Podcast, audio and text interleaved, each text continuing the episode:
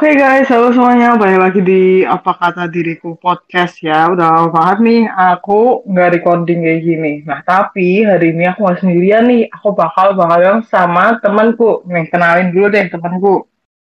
Halo semuanya, nama aku Ferdi. Hari ini aku bakal nemenin Dela untuk membicarakan topik yang lagi diperbincangkan saat ini, yaitu toxic people. Toxic people. Nah, jadi kita cari tahu dulu ya apa arti toxic people itu. Nah, toxic people adalah istilah yang ditujukan untuk orang-orang yang beracun. Maksudnya apa sih orang-orang yang beracun tuh? Seorang dianggap beracun karena ia menebarkan sesuatu yang negatif ke lingkungan sekitarnya. Freddy pernah gak sih dapat kayak toxic-toxic gitu dari orang-orang di sekitar gitu?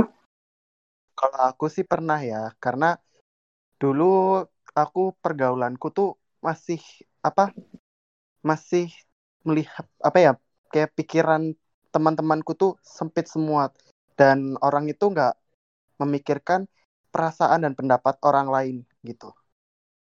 Ya, itu salah satu ciri-ciri toxic people nah nih, teman-teman. Kita cari tahu dulu nih, toxic people itu kayak gimana sih ciri-cirinya? Kita lihat bareng-bareng. Yang pertama itu adalah super narsis pasti banget kan karena orang-orang yang toxic people itu pasti ngerasa dia itu harus kelihatan di depan orang-orang gitu. Nggak cuman kayak di teman-teman dekatnya doang tapi dia tuh pengen orang-orang bahkan di, di luar lingkungan dia tuh tahu siapa dia. Nah itu biasanya mereka akan toxic. Nah yang kedua itu ada selalu mengkritik. Ini jelas banget ya karena kalau misalnya orang-orang sering kritik kita nih tapi kritiknya itu ternyata dengan cara yang jahat gitu nggak dengan kritik yang positif itu bisa menjatuhkan mental kita nih teman-teman. Nah, kalau menurut Fendi apa aja ada yang lain nggak? Kalau menurut aku ya, menurut aku tuh yang pertama itu ada penghasut. Kalau penghasut itu tuh kayak kayak orang itu nyeritain keburukan orang lain ke temenmu. Terus temen kamu tuh kayak ngerasa terusik gitu. Terus jadinya marah. Nah, maka orang yang tanpa orang itu sadari itu mudah terhasut karena cerita keburukan dari orang tersebut. Nah, lebih bahaya lagi kalau orang tersebut merasa senang jika orang tersebut tuh jadi penghasut. Dan itu tuh kriteria toxic people banget dan berbahaya banget. Karena orang itu tuh bisa bikin merusak hubungan pertemanan. Lalu yang kedua, orang itu tuh caper atau pencari perhatian. Karena kriteria orang seperti itu tuh suka sekali cari perhatian, seneng banget cari pusat perhatian, dan pengen banget orang lain itu harus memperhatikan dia dari segala dia bicara dan segala dia bertindak, dan dia orang-orang pencari perhatian itu tuh cenderung egois gitu. Lalu yang ketiga, itu tuh kayak orang itu merasa sindromnya itu yang paling hebat gitu. Kenapa sih orang itu disebut toxic people? Karena mereka tuh merasa paling hebat karena itu mereka dirinya itu kayak the best gitu udah melakukan yang terbaik. Seringkali itu mereka tuh apa mengira semua hal yang berantakan dan tidak berjalan mulus sesuai dirinya. Jadi intinya kalau tidak sesuai dengan pendapatnya dia maka orang itu tuh dianggapnya toxic. Nah benar banget tuh. Itu tipe-tipe atau ciri-ciri dari toxic people Nah, habis ini mungkin kita bakal sharing-sharing dikit tentang orang-orang toxic people di sekitar kita yang pernah kita alamin. Nah, ini bakal cerita-cerita nih bareng Ferdi. Ferdi udah nyiapin cerita kan? Uh, udah dong. Tanpa persiapan mungkin pun aku kita, udah siap cerita. mungkin kita dengar dulu ya dari ceritanya Ferdi dulu. Habis itu nanti aku yang cerita. Ya, coba okay. cerita dulu deh. Jadi ini cerita pengalamanku ya pengalamanku terhadap toxic people. Jadi pengalamanku itu tuh waktu aku masih SMA, jadi aku punya teman. Nah, temannya aku tuh punya teman lagi dan temannya lagi kebetulan kan main bareng sama aku. Nah, dalam sekumpulan itu ada satu orang nih, satu dua toxic people. Kenapa aku bilang toxic people? Karena pertama, mereka tuh merasa diri mereka paling benar gitu loh. Dan mereka tuh punya pendapat ya harus benar-benar orang lain mengikuti pendapat mereka.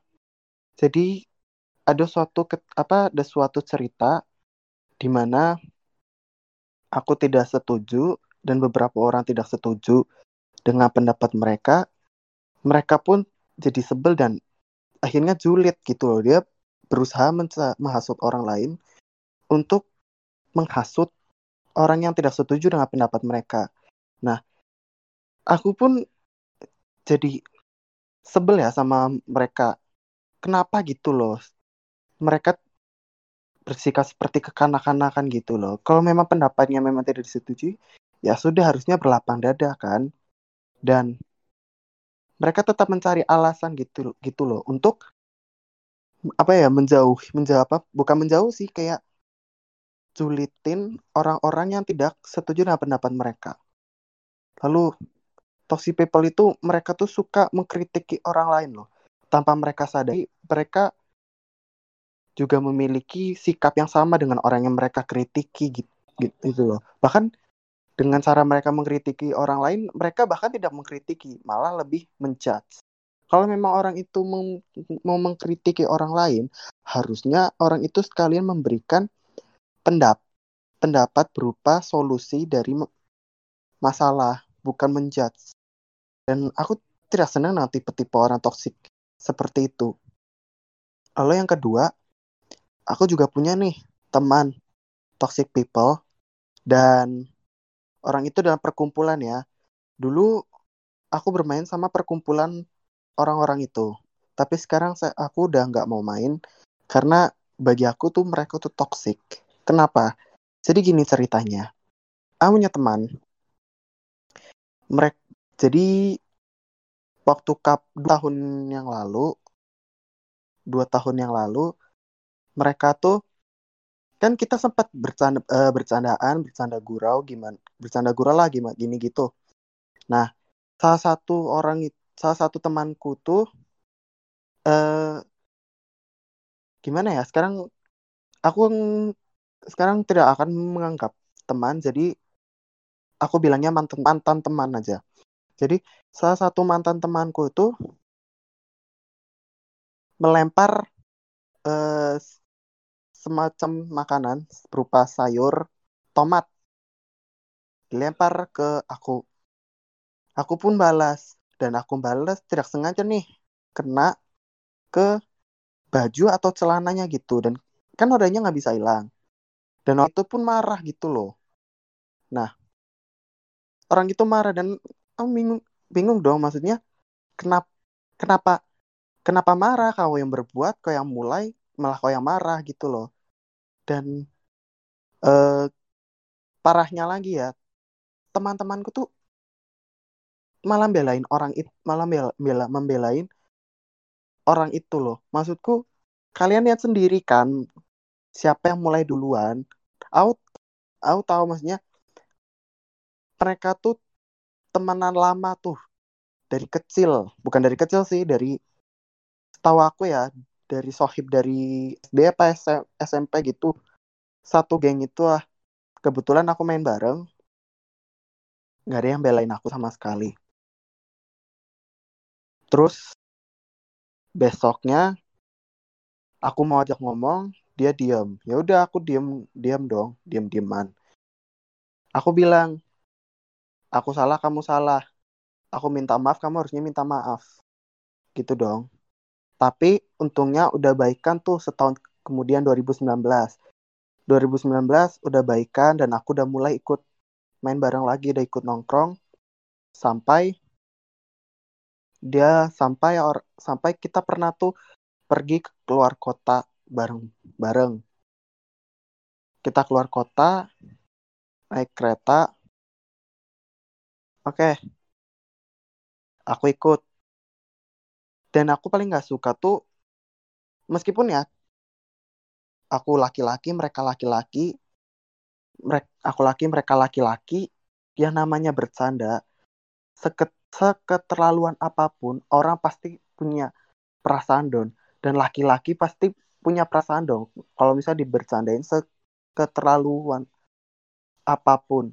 Jadi bercandanya itu mereka mengungkit masa lalu aku yang kelam. Masa-masa lalu kelam. Dan kan sebel sebel sebel dong maksudnya. Kenapa gitu loh? Oke aku ngerti. Kita sama-sama laki-laki. Kita bercanda nih kayak gitu. Bukan berarti laki-laki bercandanya keterlaluan keterlaluan dan dan mengusik perasaan orang lain.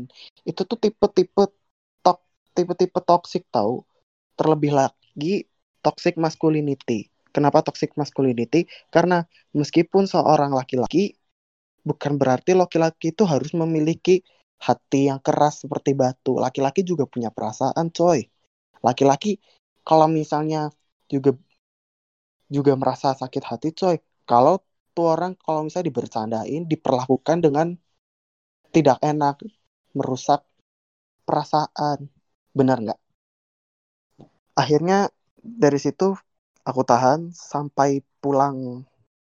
Sampai pulang ke ke kotaku ke rumah rumah. Ya ya ke kotaku udah kita main main main bareng sampai awal tahun 2020 sampai sekarang aku jarang main sama mereka karena aku udah oke okay, mereka toxic stop main bareng. Percuma percuma main gitu loh. Percuma main. Kenapa? Karena ya itu mereka toxic. Mereka tanpa memikirkan perasaan orang lain gitu loh. Bahkan mau mereka mau mereka cari mau mereka cari aku pun maksudnya mau mereka bilang aku lupa teman lah atau dalam istilah bahasa Tegalnya atau bahasa Jawanya itu kelalen kanca. Kelalen kanca iya bener. Atau artinya lupa teman. Aku bodoh amat lo mau kelalen kanca emang pantas gitu loh dilupain gitu loh. Bukan dilupain sih pantas apa ya? Menurut aku nggak us usah main nggak usah main nggak usah main karena menurut aku mereka tuh tipe-tipe toksik gitu loh. Toksiknya itu kenapa? Karena pertama gengsi untuk minta maaf. Kedua tidak berempati pada kondisi orang lain atau perasaan orang lain. Yang ketiga merasa paling benar paling hebat. Ya itulah tipe-tipe toxic. Itu sih cerita dari aku. Dan sampai sekarang akhirnya untunglah aku punya teman teman yang setia yang benar-benar teman. Bukan teman yang mau dengerin cerita ya? Iya yang mau dengerin cerita kayak kamu nih asik. Iya, tapi ada teman lagi ada teman ada teman lagi yang benar-benar cerita dan sekarang oh jadi gini ya rasanya jadi gini ya rasanya tidak temenan sama teman-teman yang toks teman-teman yang toksik gitu loh. Oh jadi gini ya rasanya kayak ada merasa bebas gitu loh. Karena kalau misalnya aku main sama mereka aku harus melakukan segala cara untuk bisa sejajar dengan mereka. Dan karena sekarang aku tidak bermain bersama mereka aku merasa bebas dan aku happy dengan apa yang aku punya gitu loh aku Ambil. punya dan aku ada apa yang aku miliki gitu loh. Dan aku tidak merasa tidak merasa insecure tidak apa. Karena itu faktornya. Kamu bermain karena nggak udah ngambil udah ngambil jalan yang benar gitu. Uh, iya ben benar sekali. Dan kamu akhirnya bisa nemuin mana yang benar mana yang enggak dan kamu akhirnya bisa keluar dari pergaulan itu. Karena kalau pergaulan toxic people itu namanya tuh lingkungan setan lingkaran setan. Karena pergaulan itu kalau kamu masuk dalam pergaulan itu maka dah harus dah mindsetnya kamu rusak. Kamu harus moodnya juga ya. Moodnya tergantung mereka nya kalau mereka yang baik ke kita kita moodnya baik tapi pas mereka nya lagi jelek ya kitanya malah ikut. Padahal kita nggak ngerti masalahnya apa. Benar banget. Dan sekali kamu masuk ke lingkungan toxic people itu udah otomatis kamu bakal sama-sama toxic. Kenapa? Karena it, karena itulah kamu berusaha semampu mungkin supaya kamu bisa sejajar dengan mereka, menghalalkan segala cara supaya kamu bisa sejajar dengan mereka. Itu sih menurut aku. Kalau menurut pengalaman kamu nih gimana nih? Pengalaman semasa hidup kamu apa berteman atau dekat dengan dekat atau kenal dengan toxic people atau orang-orang yang kelakuannya ah tidak bisa dibicarakan lagi. Maksudnya tidak bisa kita jelaskan dengan kata-kata gitu ya. Iya, dijelaskan dengan kata-kata. Mungkin aku mau kalian kali ya cerita. Kan tadi Ferdi udah cerita. Nah, kalau aku sih juga punya apa ya orang-orang yang toksik di sekitarku. Cuman aku sih sekarang mulai menjauh ya dari mereka karena aku ngerasa kayaknya ada di lingkungan ada bareng sama teman-teman yang toksik itu nggak baik buat mental gitu. Nah, orang toksik kayak apa sih yang ada di sekitarku? Nah, orang toksik apa yang ada di sekitarku itu dia tuh nggak mau disalahin. Terus dia tuh suka nyalain orang. Kalau misalnya orang salah, dia bakal nyalahin. Tapi kalau misalnya dia yang salah, dia nggak mau disalahin. Uh, sebenarnya akhir-akhirnya akhirnya aku menjauh dari dia. Karena aku tahu cara paling tepat adalah menjauh dari orang toksik tersebut dibanding kalian malah marah-marah ke mereka. Itu nggak guna. Jadi akhirnya aku menjauh dari dia. Sampai sekarang belum baikan lagi sebenarnya. Cuman kalau misalnya nanti kita ketemu lagi mungkin aku bakal baikan. Cuman untuk sekarang mungkin aku memendam terlalu banyak alasan aku bikin podcast juga karena aku ngerasa banyak hal yang terjadi di sekitarku terus aku pengen cerita gitu tapi aku nggak tahu mau cerita ke siapa akhirnya Ya, menurutku podcast ini salah satu alasan aku bisa ngeluarin semua enok-enokku sih. Gitu aja sih cerita dari aku. Mungkin habis ini aku sama Ferdi bakal kasih tahu nih gimana sih caranya menjauh dari toxic toxic people. Nah, kalau kalian mau tahu mungkin langsung aja ya kita kasih tahu kalian gimana sih cara menjauh dari toxic toxic people ini. Nah, buat teman-teman dan semuanya yang dengar podcast ini, kita ada cara nih buat menghindari toxic people dan tips biar terbebas dari mereka. Yang cara yang pertama adalah jangan mengikuti permainan mereka.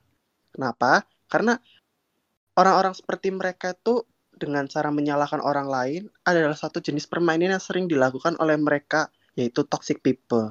Daripada mereka daripada mereka mendapat kritikan, mereka bahkan memutarbalikkan fakta dan bersikap sebagai korban alias play victim. Mungkin lebih mudah bagi kita buat mengiyakan atau tersenyum saja demi menghindari konflik. Tapi sikap ini tuh justru bakal bikin mereka makin melunjak atau lebih sering melakukannya. Nah, atau lebih buruk atau parah, mereka bakal nganggap kamu jadi target empuk. Pastiin mereka tahu bahwa kamu tidak setuju dengan pendapat mereka. Kamu ungkapkan ketidaksetujuan ini dengan baik dan hindari menuduh dengan langsung kemungkinan besar orang toksik seperti mereka nggak akan menerima pendapat atau omongan kita. Tapi nggak apa-apa karena cara ini bakal membuat mereka mikir ulang atau kayak membabardir dan mengganggu kamu. Lalu cara kedua, berani katakan tidak. Berkata tidak mungkin hal yang tersulit yang pernah kamu lakukan. Entah karena nggak enak atau kasihan. Tapi kalau kamu nggak ngelakuin, apalagi pada toxic people seperti mereka, ini bakalan bisa jadi bumerang buat lo. Kenapa?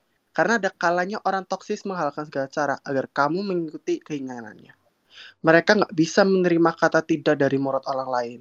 Tetapi, kamu harus tetap teguh pendirian dan berlatih buat mengatakan tidak pada mereka. Semakin sering kamu melakukannya, akan semakin mudah buat mereka terbiasa. Karena dengan selalu berkata tidak, orang toksik seperti mereka kelama-lamaan akan menyadari bahwa kamu tidak menyukai perilaku mereka.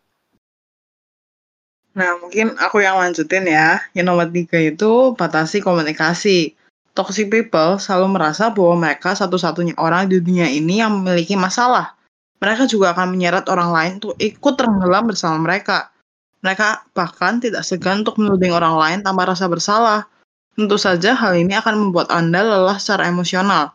Jika Anda ingin lebih tenang dan positif, cara terbaik adalah membatasi komunikasi dengan mereka. Nah, nomor empat ini, buat batasan nih dengan mereka. Batasan apa sih maksudnya? Nah, berikan batasan mengenai apa yang dapat Anda terima dan tidak. Misalnya, Anda tidak anda tidak masalah jika harus mendengar teman kerja mengeluh, namun tidak akan tinggal diam jika dibully. Terkadang, sedikit kompromi bisa menjadi cara yang baik. Namun tetaplah membuat petasan agar Anda tidak ikut-ikutan menjadi negatif. Nah, itu sih tips-tips yang bisa kita kasih ya Fer buat orang-orang nih. Jadi Betul gimana? banget. Menurut Ferdi gimana nih? Menurut orang -orang, aku, Iya orang-orang udah harus bisa ya keluar dari toxic toxic people di sini tuh. Bener banget. Dan aku juga mau ngingetin nih, karena berdasarkan pengalaman aku sendiri, kalau kamu berteman dan berada di lingkungan toxic people, kamu lama-kelamaan akan menjadi sama seperti toxic people, yang artinya perilakumu sama seperti toxic people karena kamu terjebak di lingkungan toxic people. Jadi, satu-satunya cara buat kamu tidak menjadi toxic people adalah kamu berusaha sekuat mungkin atau sebisa mungkin kuatkan iman kamu biar kamu keluar dari toxic people. Karena jujur berdasarkan pengalaman aku, keluar dari toxic people itu mungkin susah. Kenapa? Karena di saat kamu mencoba untuk keluar, pasti nanti kamu ada rasa-rasa yang ingin kayak balik lagi dalam lingkungan pergaulan tersebut. Maka dari itu, kamu harus kuatin iman dan jangan lupa kamu sering berdoa supaya kamu dikasih ketabahan dan kesabaran hati supaya kamu bisa keluar dari lingkungan toxic people dan hidupmu jadi mudah berjalan mulus. Karena saat kamu berada di lingkungan toxic people kamu selalu merasa insecure atau merasa kamu harus bisa sejajar dengan mereka dan kamu seperti bukan diri kamu sendiri. Jadi untuk keluar dari lingkungan toxic people itu kamu harus menjadi diri sendiri dan jangan lupa kuatkan iman dan berdoa. Itu kuncinya dari aku. Bener banget nih teman-teman. Nah, kayaknya sih ini udah akhir nih dari podcast ini nih. Tuh. Iya. Sayang banget gitu ya. Makasih nih buat kalian yang udah dengerin sampai akhir. Kita berdua ngobrol ya panjang lebar mungkin udah 20 menit mungkin ini. Terima kasih buat kalian ya yang udah nonton apa kata diriku Makasih buat teman-teman dan semuanya yang udah non udah dengerin kita. Aku tahu kalian udah ngelakuin yang terbaik hari ini. Terus semangat. And see you guys in the next podcast. Bye bye semuanya. Bye. Bye.